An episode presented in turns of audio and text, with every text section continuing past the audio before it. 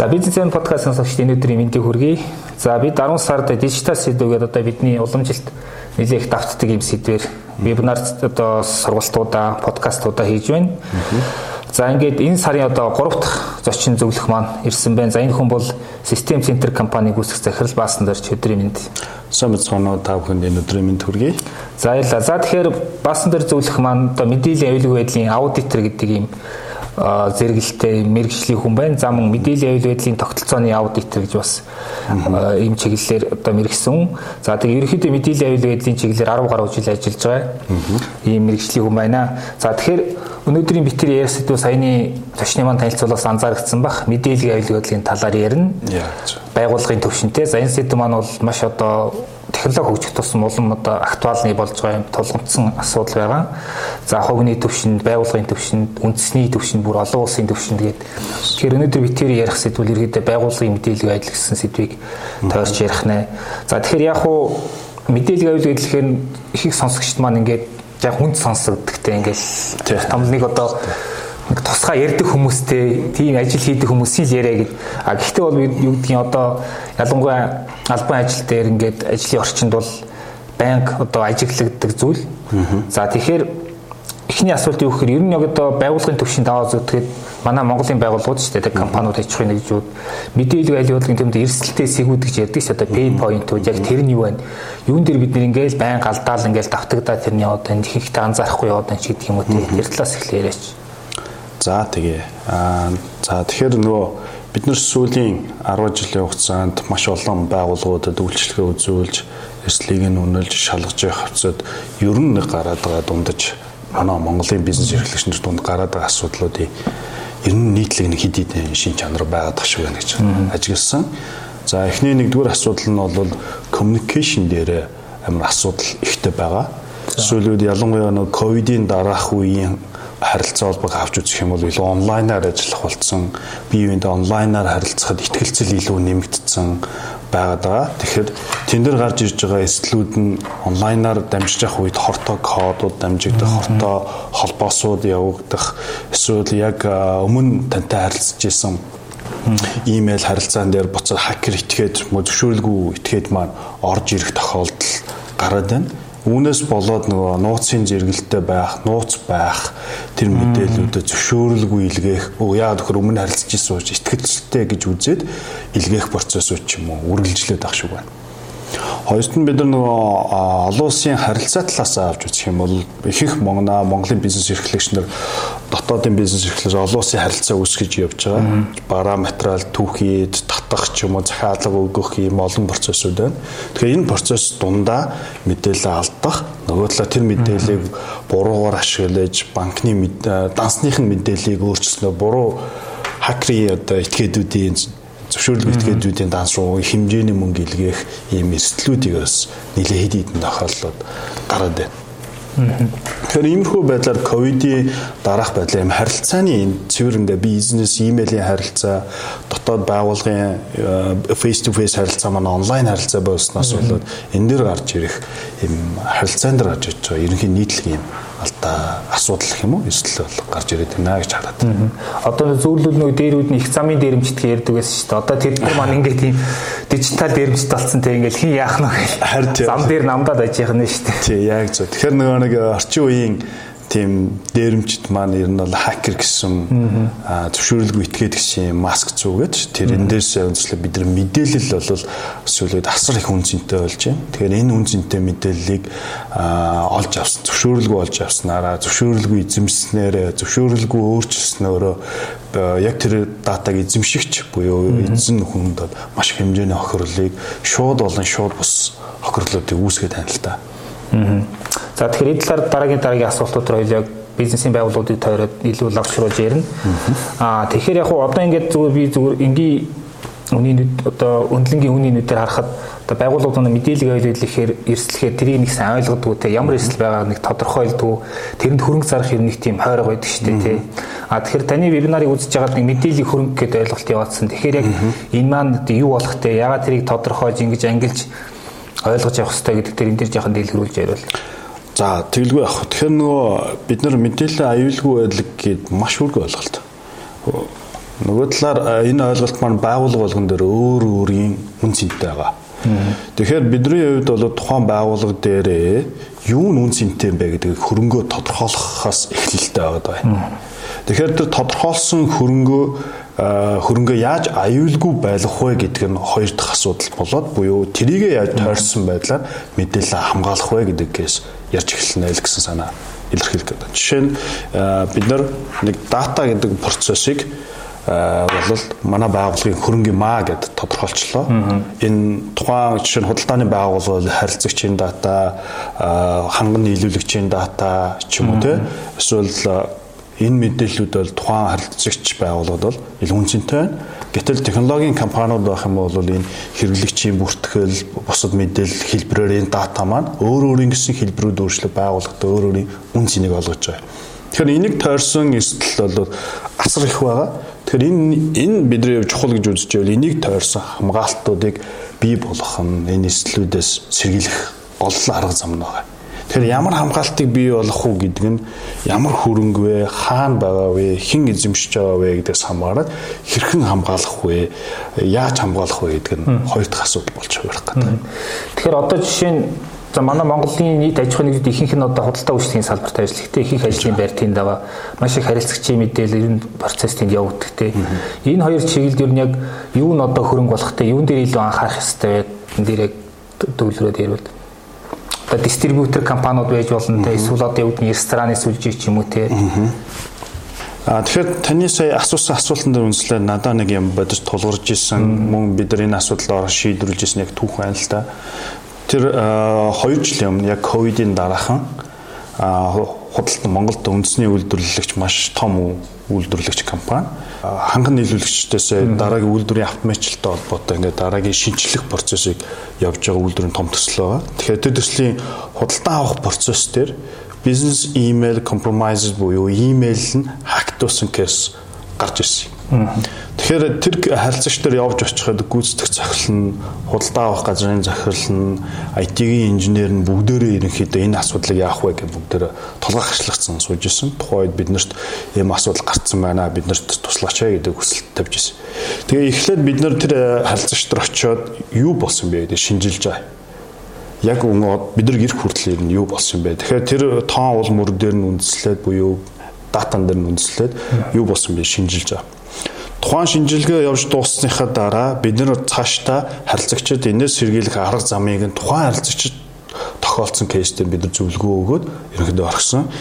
Тэгээд цаашаага энийг хэн байсан бэ гэдгийг олох уу гэдэг би асууж байгаа байхгүй. Тухайн дөр гүйцэтгэх захирал удирдлагын багаас нь Yes бид нар олмоор байна. Энэ бол жишээ нь манай дотоод ажилчид энтэй холбоотой юу эсвэл яг цаад байгууллага маань өөрсдөө холбоотой эсвэл энэ хоёрын дунд байгаа имэйл маань ингээд зөвшөөрлгүй 3 дахь читгээд маань ингээд орж ирснээс болж үүдсэн байна. Бид нар шалтгааныг мэдмээр байна гэд хүсэлтэй байд. Бид нэр тэр харилцагч нар үндэслээд тэр харилцаач цааш нь үргэлжлүүлээд тэр хак гэдгийг олж байгаа байхгүй. Олох процесс орж байгаа. Тэгэнгүүт бид нар маш сонирхолтой юм анзаарсан. Нэгдүгээрт хакер этгээд маань өөрөө Африкт байршилтай байна. Санхүүгийн систем нь Лондонд байршилтай. Худалдааны вебсайт бусад мэдээллүүд нь Малайзад байршилтай гэд эргээд харах юм бол ингээ улс үндэстэн дамжсан юм сүлжээ болцсон. Экзамен дээрэмч чи хаа хамаагүй шүү дээ. Яа харин тийм. Тэгэхээр яг ийм сүлжээ болцсон зүйл бид нар энэ зүйлийг нь нотлох баримтыг гаргаж өгөөд тайл хэлбэр гаргаж өгөөд за энэ бол таны хакер итгэдэг байна. Бүр хакер итгэдэг байршил зургийг гаргаж ирээд энэ байна. Та энийг Интерполд өгөө цаашаа ерэн сурвалжлах бүрэн болцоо байгаа гэдэг зүйлийг ерөнхийдөө гаргаж өгч байгаа. А тэр байгууллагаас эндээс энэ түүхээс үндэслээ бид нар юу суралцах ёстой юм бэ гэхээр имэйлээр харилцаа үргэлжилсэн. Имэйлээр харилцаан дээр нэг өөрчлөлт гарч байгаа. Тэр юу гэхээр дансны дугаар тухайн имэйлийн контракт гэрээний явцад өөрчлөгдөж байгаа. Буюу хакер этгээдийн насны дугаараар солигдож байгаа. Ганцхан тэр өөрчлөгдсөн тэр э, Word файл дээр буюу имэйлийн гэрээний драфт дотор байгаа дансны дугаар өөрчлөгдсөн. Анзаараагүй худалдаа авах дээр нь бас конфирм өгөө санхуудаа өгсөн. Санхүүгийнхэн байгууллагын тэр төлөв гүйлгээ хийх гэж оролдож исэн азар нэг тоог нь буруу хийгээд алдаатай шивснээс бол бидний мөнгө бод бодлоо алдаагүй. Тэгтээ яг алдах боломж байсан байгаа байхгүй. Тэгэхээр энэ дэр үндэслээд бид нар ямар нэгэн өөрчлөлт буюу change гарч ирж байгаа тохиолдолд аюулгүй байдал эрсдэл нь байгаа үгүй эсэгтэй анхаарч ажиглаж сурах шаардлагатай байгаа. Энэ кестраарж үзүүл жишээ нь худалдан авалтын менежер нь гадаад харилцааны менежер нэгдүүд анзаарсан бол мэдэх боломжтой. Хоёрт нь тэр гадаад харилцааны ахлах нь эсвэл захирал нь мэдсэн бол анзаарах боломжтой мэдэх юм. Гуравт нь нэгтлэн тэрийг анзаарсан бол тань чадсан бол мэдэх боломжтой. Тэгээ ахлах нэгтлэн ч юм ингээ гүйлгээ шивж нь таньсан бол мэдэх боломжтой. Гүйцэтгэх захирал нь урдсан зурхалтай гар өвсөх зурцсан байсан. Тэгэхээр ингээд шат шатан дээр хин нэг нь л тань чадсан бол сони процесс амжилтгүй болох боломжтой. Бүгдээрээ анзаараагүйгээс болоод энэ зүйл амжилттай гүйлгээ гарсан гэхдээ азар тэр нь шууд ороогүй буцаалт орж ирээд энэ юу буцаал орж ирсний дараа юу болсон бэ гэдгийг гайхаад тухай бид нарыг дуудаж ирж ирсэн юм тохиолдол байна. Тэгэхээр энэ түүхтэрээс үндэслээд бүгдээрээ байгууллага дээр байгаа байгууллагын бүхэл оролцогч талууд аюулгүй байдлын хувьд ойлголттой, мэдлэгтэй, мэдээлэлтэй байх нь өөрсдөө өрсөн сэргийлэх боломжтой болно л гэсэн санааг илэрхийлэх гэж байна. Тэгэхээр ч одоо угаасаа онлайн худалдаа чи ингээд итгэвчсэн одоо баг ингээд соёл болчлоо шүү дээ. Тэгэхээр ахаад саяны шинжлэхээр ингээд дэлгэрүүлж яриач гэх гэдэг л юу гэхээр за нэг талаас бол одоо ингээд бараа бараа үйлчлэгийг онлайнаар санал болгож байгаа гэсэн нэг тал байгаа. А нөгөө талаас тэднийг худалдан явж байгаа гэсэн одоо бизнес ч хөвөн ч юм тий. Энэ дээр яг ер нь яг ямар эрсдлүүд илүү байгаа вэ тий. Энэ дээр юу анхаарах вэ гэдэг тэр яах ингээд одоо яг тэр нэг онлайн бизнес хиймэйг сонирхож байгаа хүмүүстийг захиад хэлэхэд тэгж заахгүй. Нөө Монголын нөхцөл дөө. Тийм Монголын нөхцөл. Аа за. Тэгэхээр нөгөө ковидын нөхцөл байдлын дараа эргээд зах зээлийн нөхцөл байдлыг харахад би ч гэсэн өөрөө тэрнийг сошиал сувгуудаар харж байгаа л да. Тэгэхээр бүгд ерөнхийдөө онлайн захиалга, Facebook захиалга, янз бүрийн сошиал сувгуудыг ашигласан захиалгууд явж байна. Аа тэгэхээр энд бол буруу гэсэн юм бол байхгүй. Гэхдээ та тэрийг нөгөө нэг баталгаажуулж чадаагүй буюу чадахгүй байгаа тохиол мөнгөөр шилжүүлсэн тохиол энэ бол цэвэр захим гимт хэрэг дээр суурилсан заллангийн шин чанартай байх боломжтой. Тийшээ гүйлгээ хийсний дараа тэр зүйл маань улуурдах ч юм те бараага өвөхгүй байх удаах эсвэл ямар нэгэн баталгаа байхгүй болчихж байгаа. Одоо гадуур явж байгаа тийм худалдааны юм дээр. А тэгэхээр бид нар өөрсдөө тэр талын эслэгээ хүлээн зөвшөөрөх. Нөгөө талаар зөвхөн чатаар харилцах биш утсаар лавлаж тодруулах. Магадгүй тэр тохиолдолд гүйлгээ хийж байгаа тохиолдолд яг тэр эцсийн эзэмшигч рүү гүйлгээг хийснээрээ жишээ нь санхүү болол мөртөө гэж ярьдаг тийм. Тэгэхээр бид нар хохирол гарсан гэж үзэх юм бол тэр санхүүгийн гүйлгээгээр энэ дэр үндэслэж тэрийг одоо нэхэмжлэх ч юм уу хохирсон гэж үзэж байгаа иргэн бол нэхэмжлэх бүрэн болцоо байгаа. Тэгэхээр ямар нэгэн байдлаар бусад 3 дагч 4 дагч 5 дагч этгээдийн данс руу мөнгө ичээд энэ байгууллагаас бид би ингээ захиалга хийсэн штэ гэвэл нөгөө талаар гүйлгээ хаашаа орсон тэнтэй холбоотой хариуцлагын асуудал үүсгээд байгаа хэрэг. Тэгэхээр нөгөөх нь заллингийн шин чанартай болчихно. Тэгэхээр энд бол заллингийн шин чанартай тохиолдод хувь хүмүүс ер нь аюулгүй технологи дээр суурилсан юм эрсдэлтэй үйлдэлүүд хийхдээ awareness буюу ойлголтоо нэмэгдүүлээч гэдгийг би бол зөвлөмөр байгаа. А хэрвээ байгуулга байх юм бол аль биесны харилцаа суугуудыг харилцаач гэдэг зүйлийг зөвлөмөр байгаа. Одоо ингээд би нэг маханыг танилыг би мэднэ гэдэг ковидын дараа ингээд туркээс баах маск захиалсан чинь тэгээд мөнгө шилжүүлээд байхгүй хэдэн саяар. Аа тийм тохиолдсон дээ. Тэгэхээр одоо юу гэдгийг та түрүүний хортой код, хортой холбоос энэ төр хэлээ л дээ. Ер нь яг хуу тэр нөө мөнгө санхүүтэй холбоотой энэ дээр л их илүү их нэг мэдээ нэг шуумтай тарж яана л да. Тэгээд банкуч гэсэн нэлээ энэ дээр бас их санаа зовж явах шиг байна. Ер нь зүгээр юу гэдгийг ингээд онлайн орчинд одоо янз янзын худалдан авалт гүйлгээ хийх тэр нэг с ิจ гтэй юмнуудыг ер нь яаж таних вэ?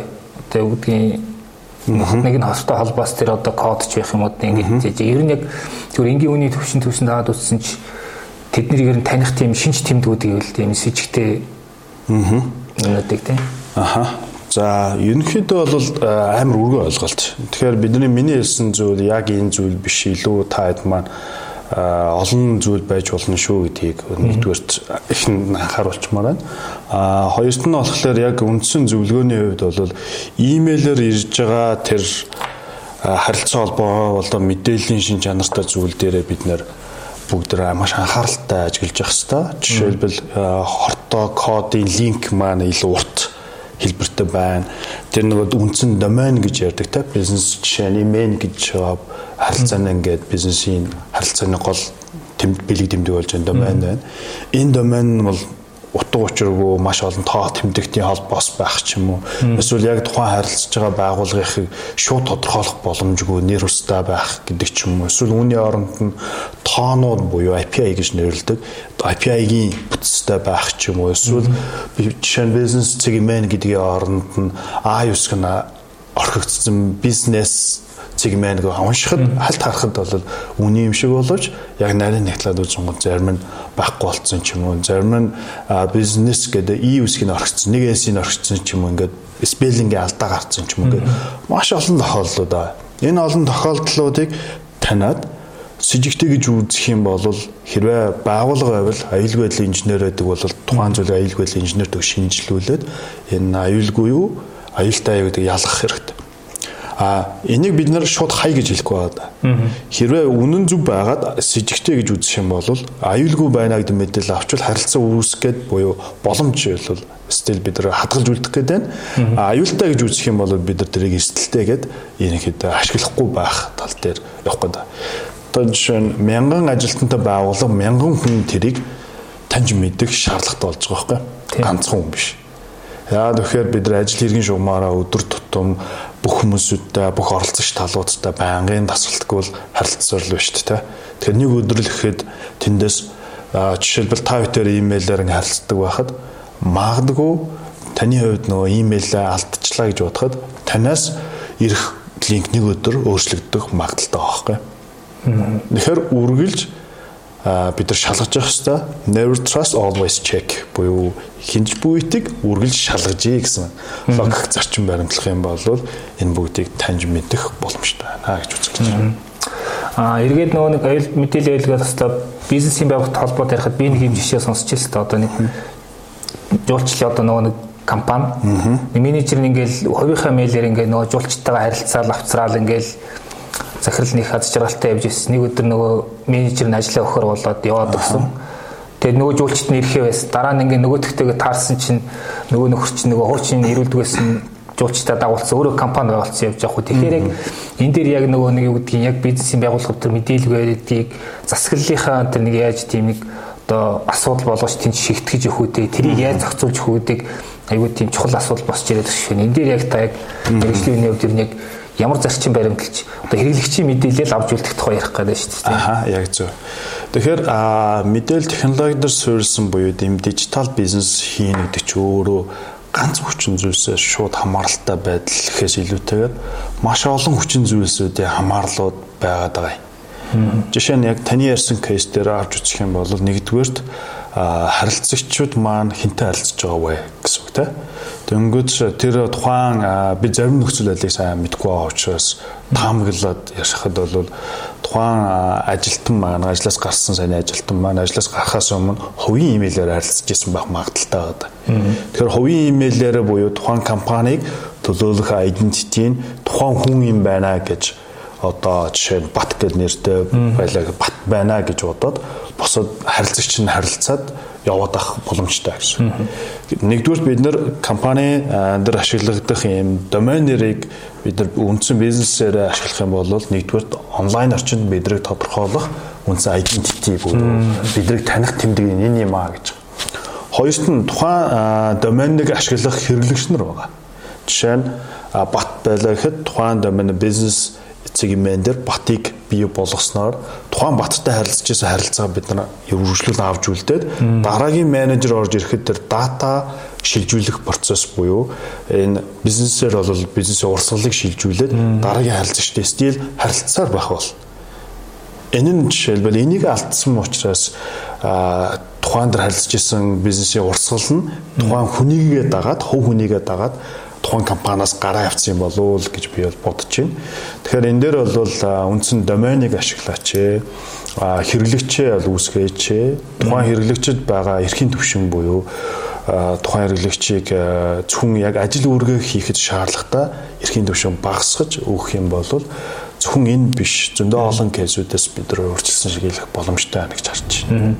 Тэгэхээр яг одоо энэ ярьж байгаа зүйлийг яг нөгөө нэг дүрм журм болгоод стандарт процесс болгоод тэр компани нэг бичиг баримтууд байгаа ч одоо хөдөлмөрийн гэрээ, дотоод журм юу гэдгийг ёс зүйн код ч гэдэг юм уу те.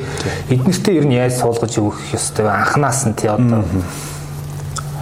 Тэгэхээр эргээл нөгөө нэг мэдээллийн хөрөнгө гэдэг зүйл рүү орчиж байна л та. Жишээ нь худалдааны байгууллага байхад мэдээллийн хөрөнгө бол тухайн харилцагч харилцааны тийм communication явж байгаа channel сувг тэр харилцагчийг тодорхойлох утасны дугаар ч юм уу утасны дугаараас үүдээд WhatsApp, Viber ч юм ингээд communication үргэлжлэх боломжтой юунууд тухайн ажил жуулчлалын бизнесийн хөрөнгө.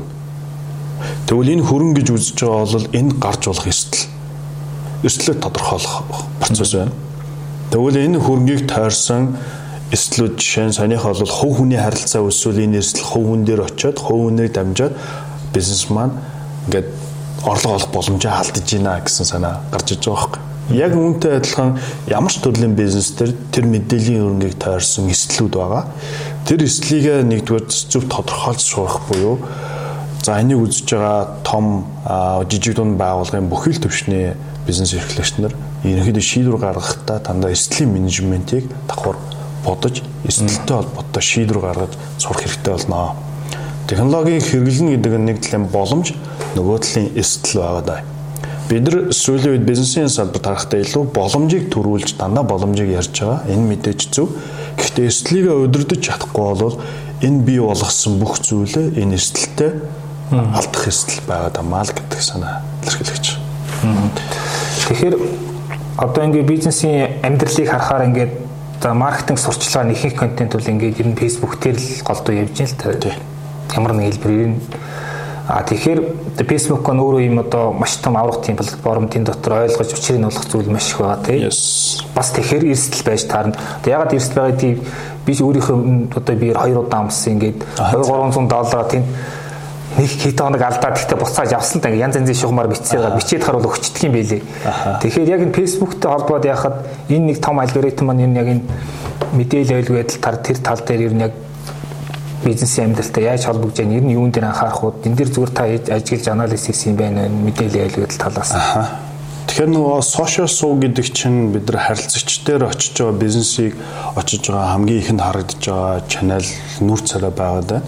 Тэгэхээр энэ нүүр царайн дээр бид нар аюулгүй тэрийг удирдах нь чухал Яагаад чухал вэ гэхээр бид нар жишээлбэл тэр нүүр царай нэг өдөр ихэд өөрчлөгдөх, эсвэл нэр нь цойлогдох, эсвэл ямар нэгэн контентер буюу бидний хүсээгүй контентер солигдох, зөвшөөрөлгүй янз бүрийн контентууд орох.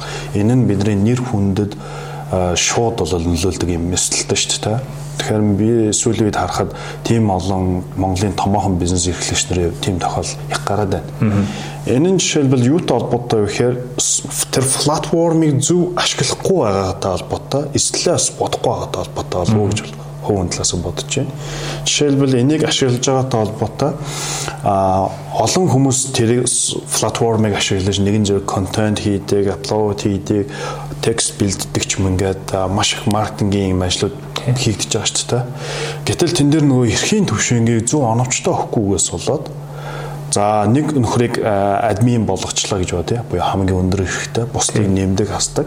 Гэтэл тэр админ эрх эрхийг эзэмшиж байгаа хүн аюулгүй байдлын ойлголт багтай хүн байх юм бол тэр админы эрхийг хуурж аваад хакер этгээд мөн зөвшөөрлгүй хуурж аваад бусад хэрэглэгчнэр бүгдийг нь хасаад зөвхөн өөрөө ганцаараа үлдээд тэгээд хүсээгүй контентуудыг хийх янз бүрийн юм хийх юм бол тухайн байгууллагын нэр хүнд бусад юмд шууд нөлөөтэй болж байгаа. Жишээлбэл янз бүрийн алдартай ютуберүүд өөрсдийнхээ YouTube чаналаа ингээ алдангууд YouTube чаналаар янз бүрийн coin moinтэй холбоотой стрим явангууд нь тэр нөө дагдаг байсан хэрэглэгчнэр тэрийг дагаад янз бүрийн мөнгө төгрөг гүйлгээ хийснээс болоод санхүүгийн охирогч болох ч юм уу юм эрсдлүүд бас байна манай Монголын хувьд бол их их бизнес ярилцсан нэг Facebook платформоор явж байна. Тэгэхээр Facebook-ээс тэрийг дагаж исэн олон followers-ууд алдах.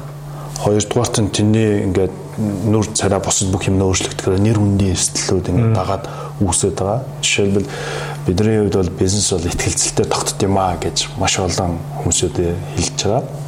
Тэгэхээр нөгөө ихтгэлцлийг бий болгоод байгаа нь ихтгэлцлийн наан царай болж харагдаад байгаа юм чи сошиал сууг байгаа байхгүй. Энэ маань байхгүй болчихгоод харилцагчдын ихтгэл үүсэх боломж нь багасаад магадгүй өнөөдөр би үйлчлүүлдэг маргааш би үйлчлүүлэхэ болчих өсөлт баг. Одоо хувийн төвшөнд авсан ч гэсэн одоо яг нөгөө нийгэм талбайгаа сэдвтэй хальт гэдэг юм л. Нөгөө хүүхдүүдийн аюулгүй байдалтай сахим орчинд хүүхдүүд аюулгүй гэдэг үл амир хурц асуудал болсон. Хүүхдүүдийн зургийг бити хамаагүй шеэрлээч. Наадах чинь бол аюултай ирээдүйд маш том эрсдэл шиг гэдгийг бол гадныхаа ямар сануулдаг юм байна. За яг нэг зүгээр дурдаад өнгөрөх гэсэн. Аа тэгэхээр бас нэг зүйл сонирхны яваа гэхээр одоо монголчууд ч нөө лицензүү програм ашиглаж програм үйлдвэрийн системийг ашигладаг те. Антивирус суулгадаг тийм соёл байхгүй. Өдөр яриан ихэнд дурдсанчлан удирдлагууч ширэнд нэг тэр талаар зардал гарах жоохон ойрох байдаг тийм ээ. Тэгэхээр энэ үед ер нь яг ямар студид гараад байна. Бид нар энэ зүгээр би зүгээр харж байгаагаар ингээд биднэрт мэдэгдэхгүй ингээд би бид нар аяг их мэдээлэл алддаг. Эсвэл одоо гардаг тийм байх шиг байна. Энд дээр яг сануулж зөвлөж хэлэхэд. За бид таны асуултыг гурван э, асуулт байна гэж ойлголоо. За эхний асуулт болохоор хүүхдийн асуул яах аргагүй өнөөдрийн цаг үетэй нийцсэн асуудал байна гэж харж байна. Нэгдүгээрт бид нар хов хүний бид нар сошиал сувгмаар бидний гол зорилго бол communication харилцааг стил үргэлжлүүлэх алсад хол байгаа хүмүүсүүдийг энд миний ховийн бусад харилцаагаар ингээ ойртуулах юм давуу талтай боловч нөгөө талаар таны яхаар болж байгаа эсэл байгаа хүний мэдээллүүдийг цуглуулах цуглуулсан мэдээлэлээр үндэслээд одоо технологийн хувьд AI base буюу химэл оюун ухааны 90 үед бид ирж байна л та. Тэгэхээр химэл оюун ухааны хувьд таны нэг л зураг байхад тантай ижил төстэй таны хийгээгүй үйлслүүдийг хийсэн мэт харагдуулах, видео болгох, аудио болгох орчныг нь солиод тэр нөхцөл байдалд аваачих гэх мэт маш олон эслүүд бол байгаа. Тэгэхээр бид нар айл болох сошиал орчин дээр хувийн мэдээлэлүүд айл болох баг тавихыг бий бол зөвлөдөг. Өөрөө ч гэсэн хувийн хувийн хэрэглээ талаас бол тийм зарчмаар ерөнхийд ашигладаг. А хоёр дахь асуулт нь вэ? Хоёр дахь асуулт маань нөгөө лицензгүй програм. А хоёр дахь асуултын хувьд бол нөгөө лицензгүй програм хангамж байна. Тэгэхээр лицензгүй програм хангамж юу гэхээр untrusted ийм application software програм хангамж гэсэн. Энэ дотор юу ч байж болно. За өөрөөр хэлбэл энэ аяг та ус байлаа гэвэл энэ хорч байж болно, усч байж болно гэсэн. А ихэвчлэн үнгүү тийм програм хангамж бол энэ дотор хор найруулсан усл байгаа л гэсэн. Тэгэхээр бид нар энэ хор найруулсан усыг өдөр болгон уух, хэрэглэх нь өөрийг нь биеийг хордуулж байгаатай адилхан технологийн орчин дээр өөрийнхөө мэдээллийн систем, хэрэглэгчийн мэдээллүүдийг байн алддаг байхыг хүсэхгүй. Тийм учраас айл болох лицензгүй програм хангамж ашиглахгүй ялангуяа тэр нэг практик гэж ярьдэн шүү дээ зөвшөөрлгүй ашиглах тэрийг бол бүр хэрэглэхгүй байхыг бол санал болгож байна. Одоо жишээ нь хор жишээ нь яаж үйлчлэх үү одоо тэр үйлчлсэн яаж илэрч гарах уу жишээ нь. За жишээ нь ер нь бол аа бидний хувьд нөгөө зөвшөөрлгүй бидний ресурсуудыг хэрэгэлдэг. Жишээ нь энэ аа пад байлаа гэж бодох юм бол энэ дэр өөрийн гэсэн дата боловсруулах хэмжээний ресурс байгаа. Энэ ресурсыг бол зөвшөөрлгүй хакер этгээд мань алсын зайнаас удирдаад энийг боловсруулж ашиглана гэсэн интернет аксес байгаа тохиолдолд дотор нь байгаа датануудыг баг багаар хуулж авах процессуудыг хийн. Хуулж авсны дараа миний мэдээллийг гаргаж миний нэр хүндэд халдах эрсдэл байна. Нөгөө талаар энэ дотор байгаа датаг барьцаалж буюу бидний мэдгээр ransomware гэж нэрлэж байгаа. Барьцаалах юм бол би энэ датаг миний хувьд цор ганц хувилбар, хамгийн сүүлийн хувилбар аа тэгээд Энийгээ би ашигламаар байгаа бол тэнд барцаалбарыг төлөх юм эрсдлүүдийг үүсгэж байна. Гуравт нь энд байгаа ресурсуудыг үнэгүй ашиглаад интернет орчин руу хийсвэр ресурсуудыг буюу халдлагуудыг эндээс үүдээд бот болгож зомбиг төхөөрөмж болгож ашиглах боломжтой гэсэн. Тэгэхээр энэ мэтчлэн би зөвхөн мэдээлэл алдаагүй үнэгүй ашиглаж байгаа гэдгийн цаана бидэрт мэдэгдэхгүй маш олон үйлдэлүүдийг хортой үйлдэлүүдийг хийгдэх бүрэн болцоо байгаа гэсэн. Одоо бас би зүгээр бас өөрөө сонирхож асуумар ингээд янз бүрийн сайт руу орохоор ингээд ер нь одоо их их сайт хийгдэг бас ялангуяа гадных ингээд нөгөө нэг cookies гээл ингээд хүлээж авах уу яах вэ ихэвэл тэгэл бид өмнө нь л ингээд залхуурал ингээл нөгөө нэг арай тодор яасныг нь тодруулсан цогхыг нь дараал яваад идэх үү. Гэтэл ингээ одоо анзаарах хэрэг ингээд илт ингээд одоо юу гэдгийг браузер маань ч юм уу компьютер маань удаашрал ингээл цаана баах юм ажиллаад байгаа юм шиг тийм сэжиг төрөөд байгаа байхгүй. Тэгэхээр ер нь яг онлайн орчин тавын мэдээлэл ер нь яаж одоо хямгах вэ те одоо эсвэл байн одоо инкогнито буюу одоо нууцаар орох хэрэгтэй юм уу ер нь таны хувьд бас яг яаж энэ дээр ханддаг энэ талаас сонирхол бол За тэгэхээр бидний хувьд ерөнхийдөө өдөр тутам ашигладаг э, байнгын trusted мэдээллийн сайт ч юм уу мэдээллийн хэрэгслүүд байгаа. Тэгэхээр нөгөө untrusted гэдэг нь бусад зүйлийг хэлж байгаа. Та өмнө ашиглаад баталгаажуулсан зүйл байвал хатсангүй ихтгэлтэй орж болно. Гэхдээ never uh, always check те байнгын үргэлж шалгаж явах хэрэгтэй гэсэн санаа байна. А хоёрт нь түрүүний хэлснээр нөгөө янз бүрийн одоо домент урт баг тэмдэгтүүд огсолсон иймэрхүү юм дэр ерөөсөө аль болох дарахгүй advertisement дэр дарахгүй тэр шиг орох юм бол цаашаага нэмж болоо орохгүй. Аль болох шүү close-ийг хаах. Тийм хортой зүйл байх юм бол энэ cognition буюу нөгөө хувийн браузер дээр сонголт шүү дээ. Ингийн стандарт болон нууцлалтай хандах гэсэн байна. Тэгэхээр нууцлалтай хандах опшнгоор тавьж зөөж тавьж ашиглах нь өөрийгөө аюулгүй байлгах боломжийг илэрхийлж. Тэр нэмээд эцсийн хэрэглэгчийн төхөөрөмжн дээр хамгаалтын шийдлүүд байх юм бол тэнд ингээ браузер дээр хортой шинэ таб нээгдэхэд хамгаалтын систем маань илрүүлээд тэрийг шууд untrusted байна энэ шиг орохгүй байхыг зөвлөдөг юм анхааруулга өгдөг Тэгэхээр тэрийг бид нөөс зөв ашиглаж хэрэглэж сурах хэрэгтэй. Ийм тохиолдолд тэрийг ерөөсөө цаашаа үргэлжлүүлж э, нэвтрөхгүй байсан илүү аюулгүй байх боломжтой.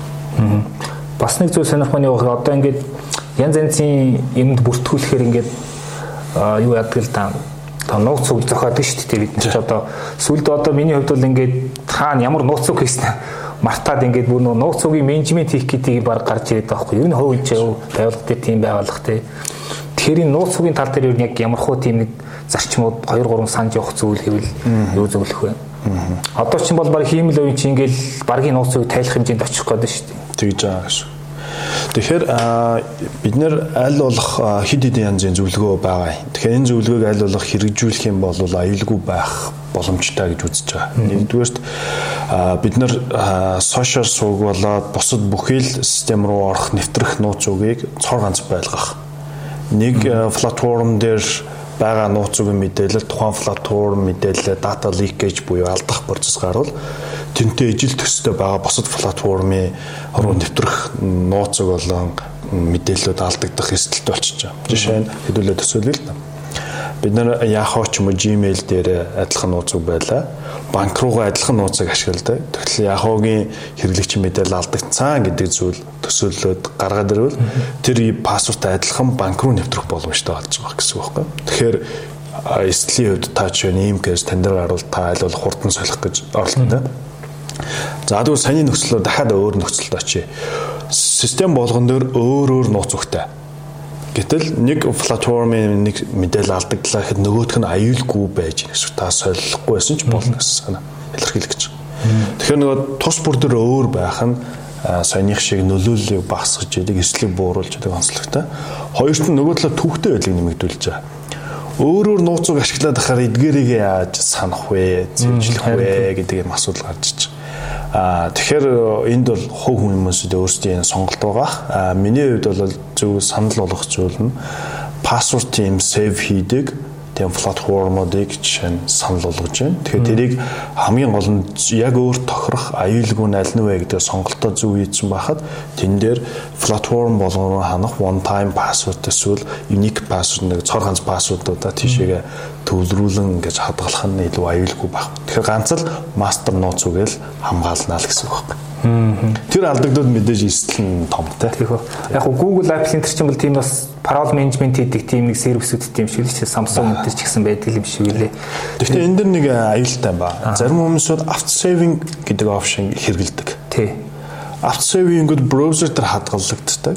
Хэрвээ хакер итгээд э, таны компьютерийг компромайз хийгээд буюу олзолж авах юм бол браузер дээрх датаг экспорт хийж авч боломжтой авдаг.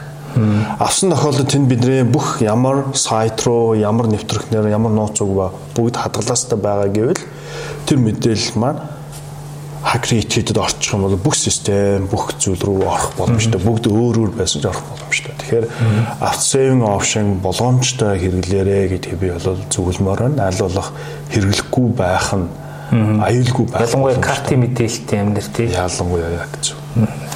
За баярлалаа. За тэгэхээр бас нэг зүйл сонирхоод байгаа нь одоо нэг сүүлийн үед янз янзын салбарт янз янзын төвшөнд клауд үйлчлэгнүүд одоо системүүд маш их ашиглаж байна л яг хуу зарим одоо ERP нэвтрүүлдэг ч юм уу мэрэгчлэр ярихтаа энэ аюулгүй байдал талаас илүү найдвартай гэж яриад байгаа. А зүгээр ер нь клауд үйлчлэгээний аюулгүй байдлын талаар ер нь та яг бас юу сануулах вэ? Аха. За тэгэхээр нөгөө одоо сүүлийн үед технологийн клауд руу шилжснээр бид нэр тасралтгүй найдвартай ажиллагаа нэмэгдэнэ гэж бид нар бас хүнд юм зарим юм захируулах гэдэг шүү дээ. Яг зөв тий. Тэгэхээр нөгөө клаудыг хэн менеж хийж ивнэ гэдэг нь их сонирхолтой асуулт. Хоёрт нь тэр клауд үйлчлэгээ үзүүлэгч маань олон улсын баталгаажилт аудитинг орсон уу гэдэг нь хоёр дахь асуул. Яагаад гэвэл бид нэр тэнд байгаа үйлчлэгийг шууд үг дуугүй зөвшөөрөөд ашиглах уугүй юу гэдэг сонгож байгаа байхгүй. Тэгэхээр сонгохоос өмнө олон юм клауд үйлчлэгээ үзүүлэгч нараас харьцуулах байдлаараа ялангуяа privacy буюу мэдээллийн аюулгүй байдлаасаа энэ мэдээллийг хэн эзэмших талаасаа энэ мэдээлэл алдагдсан тохиолдолд тэр нь яг миний мэдээлэл яг plain text дээр буюу энэ бичигдсэн хэлбэрээр шууд уншигдах боломжтой эсвэл нууг мал буюу ноцлогдсон байна уугүй юу гэх мэтчлэн ийм боломжууд байгаа. Эдгээрүүдийг сайн судалгаа хийж шигаад аль нь илүү ихтгэлтэй байна тэрнийг сонгоод ашиглах нь чухал гэдэг. А бидний өөрсдөө менеж хийдэг байх үедээ харьцуулах бол мэдээж олон давуу тал байна. Нэгдүгээр хүний оролцоо багтаа олцсон байна. Хоёрт нь тэрийг менеж хийх анхны хөрөнгө оруулалт хийх зардал бол буурсан байна. Гуравт нь тэрийг янз бүрийн нөхцөл байдал буюу эслүүдээс тооцоож тасралтгүй ажилуулах процесс маань сайжирсан байна гэх мэт байна. А нөгөө талаар боломж нь ингээд өссөн боловч таны яриад байгаа эсэлттэй тал өсөд байна. Тэгэхээр саний ярьсан зүйлүүдийг бид нэр энэ эсэл нь энэ эсэл дотор байна уугүй юудыг шинжээж, дүгнэж олж харах юм бол бид нар сонголтоо зөв хийх боломжтой л гэсэн. За баярлалаа. Тэгэхээр подкаст маань ер нь төгсгөл рүү ойртож байна. Тэгэхээр яг хуу бид ярьсан зүйлээс бас олон шоуаас нэлээд эдийн шоу хөлдсөн байна. Аа яг зөв. Яг хуу зарим нь бол баг зөвхөн нээлээ. Би бол яг энгийн ингээд одоо хөндлөнгийн үзэгчийн сонсогчийн нүдээр хараад ингээл мэдээлэл асуултуудыг тань тавьсан. Та тэгтээ бас энэ шоунуудаас харахаар танд бас үлдсэн юм шиг ярих юм үлдсэн санагдаад байна. Танд зөвлөж хэлэх юм байвал. Окей. Тэгэхээр өөрөө мэдээлэл технологи үйл ажиллагаа явуулна дижитал бизнес хийх гэдэг нь ганц хүчин зүйл төр байдаг юмаа гэдэг санааг ерөнхийдөө илэрхийлэх гээд энэ олон шоонод ярьсан. Жишээ нь таны сая асуусан клауд үйлчлэгээ үзүүлэгчд бид нар сонголоо. Клауд үйлчлэгээ үзүүлэгчийн цаана мэдээж хардвер буюу техник хангамж байгаа энэ техник хангамж маань бас найдвартай ажиллах хэрэгтэй гэсэн санаа. Тэгэхээр энэ клауд үйлчлэгээ үзүүлэгч очихын тулд бид нар интернет үйлчлэгээ үзүүлэгч буюу клауд хэрэглэгч хоёрын хооронд провайдерууд провайдерууд маань тасралтгүй ажиллах үүрэг нийлүү нэмэгдэж байна гэсэн санаа. За тэгээд энэ дээр ажиллаж байгаа софтвер програм хангамжууд маань клауд дээр бол жишээ нь software as a service ч юм уу клауд үйлчлэгээний төлөвлөлүүд маань тасралтгүй үнэн зөв ажиллах тухай явж байгаа. Энэ хоёрын хооронд аюулгүй холбогдох харил хэрэглэгчээс систем хоёрын хооронд аюулгүй холбогдохын тулд бид нэр SSL secure холболтыг үүсгэх технологийн шийдлүүд. За энэ бидний түрүүний үзүүлсэн софтвер програм хангамж маань хэрвээ өөрсдийн нөөцөөр биш гадаад нөөцөөр буюу аутсорсинг үйлчлэгээ авч байвал энэ аутсорсинг үйлчлэгээ үзүүлэгч баг маань аюулгүй байх хэрэгтэй тухай ярьж байгаа. Тэгээд э, эдгээрүүдийг зөвхөн нэг хүн нэг байгууллага үйлчлэг үзүүлэхгүй маш олон хамтын ажиллагаатай буюу юм supplier нийлүүлэгч нийлүүлэгч байгууллагууд маань бүгдөө үйлчлэг үзүүлж байгаа. Энэ бүгдөө нийлж иж бид нэр дижитал бизнес гэдэг юм маань босч байгаа. Хэрвээ энэ зүйлээс ямар нэгэн байдлаар аль нэгэн дээр нь жишээлбэл а supplier дээр эрсдэл гарах юм бол supplier-аар дамжаад cloud, cloud-аар дамжаад data, data гэн дээр нь бид нар мэдээлэл алдах эрсдэлтэй гээд аль нэгэн дээр нь эрсдэл гарах юм бол бизнес маань ингээд нуруу унах юм эрсдэлтэй байгаа. Тэгэхээр дижитал бизнес хийх гэдэг нь энэ бүгдийгээ тооцож гарч ирж байгаа шоу болгон дээр гарч ирэх эстлигээ өдөрдөж гарч ирсэн тохиолдолд бэрхэн яаж энэ менеж хийж өдөрдөх вэ гэдгийг шийдэж ерөнхийдөө блоггоор бол мэдээллийн аюулгүй байдлын хандлаар бүрэн юм ойлголтоор бид нэр өдөрцснараа аюулгүй байх боломжийг бол стед үргэлж хадгалж үлдэх гэдэг. Тэгээ эцэст нь дүгнэж хэлэхэд ерөнхийдөө хоёр төрлийн бизнес компани байна гэж дүгнэж байна. Нэг нь бол Лалидийн мэдээлэл алдсан компани, нөгөөх нь бол удахгүй мэдээлэл алдах гэж байгаа компани. Сонирхолтой удахгүй алдах гэж байна. Тэгэхээр бидний энд байгаа жишээ нэг аль нэг шоон ингээд найдвартай бус байвал та мэдээлэл удахгүй алдах гэж байна гэсэн үг. А нэг бол аль хэдийн нуруу унтсан мэдээлэл аль хэдийн алдсан байна гэсэн санаа. Тэгэхээр эндээс үүдээд бид нэр энэ жишээнээс үүдээд бид нар яах ёстой вэ гэхээр аль болох алдахгүй байхыг хичээгээд төвшин болгон дээр нь аюулгүй байх л хийг зорих хэрэгтэй л гэсэн зөвлөмж байна. За баярлалаа. За тэгэхээр баасан дээр зөвлөхтэй баярлалаа. Мэдээллийн аюулгүй байдал гэдэг сэдв маань үнэх бас юм амар сэдв биш угаасаа тий. Одоо зөөрлөл их ажлууртай мах тий. Сайн ажиллах, удаан ажиллах хэрэгтэй. Тэгжээж одоо боловсруулагддаг юм сэдв. Тэгэхээр би зүгээр яг бас хувийн хувьд ингээ харахаар мэдээллийн аюул гэхээр за яг бизнес дижиталдагдана гэдэг чинь одоо бизнесээ ингээд одоо физиклээс дутхгүй тийм одоо ач холбогдолтой маш чухал орчинд дижитал хэлбэрээр одоо орчиж байршуулж байгаа гэсэн үг шүү дээ. Зөвхөн одоо хуучин шиг одоо юу гэдгийг 3 сая сая үнэтэй дотоодын зах зээл биш бүр олон улсын төвшөнд бизнесээ авч тавьж байгаа тийм том боломж мэт харагдаж байна. Нөгөө талаасаа тэр талаар ингээд эрсэд нь баг физикал компаниасаа илүү тийм амар том том эрсэд дагуулж байгаа ийм асуудал шүү. Тэгэхээр энэ дээр бол угаасаа захирлууд үүсгэн байгуулагчид топ менежерүүд маань одоо анхаарахгүй байхын аргагүй тийм том сэдв. Цаашдаа явандаа би зүгээр анжилж байгаагаар ингээд янз янзын их тийм одоо сайн муу их кейсүүд гарах бахтай яа. Тэгэхээр асуудал бол улам л ийм анзаархдахгүйгээр томорсоор байгаа даа. Тэгэхээр энэ дээр одоо анхаарах ёстой шүү гэдгийг дахиж сануулъя. За ингээд манай энэ подкастын дугаар System Center компани гүйцэх захирал баасан зэрэг зөвлөх оролцлоо. Таны ажилд амжилт хүсье. За урьж оролцуулсан баярлалаа. Баярлалаа.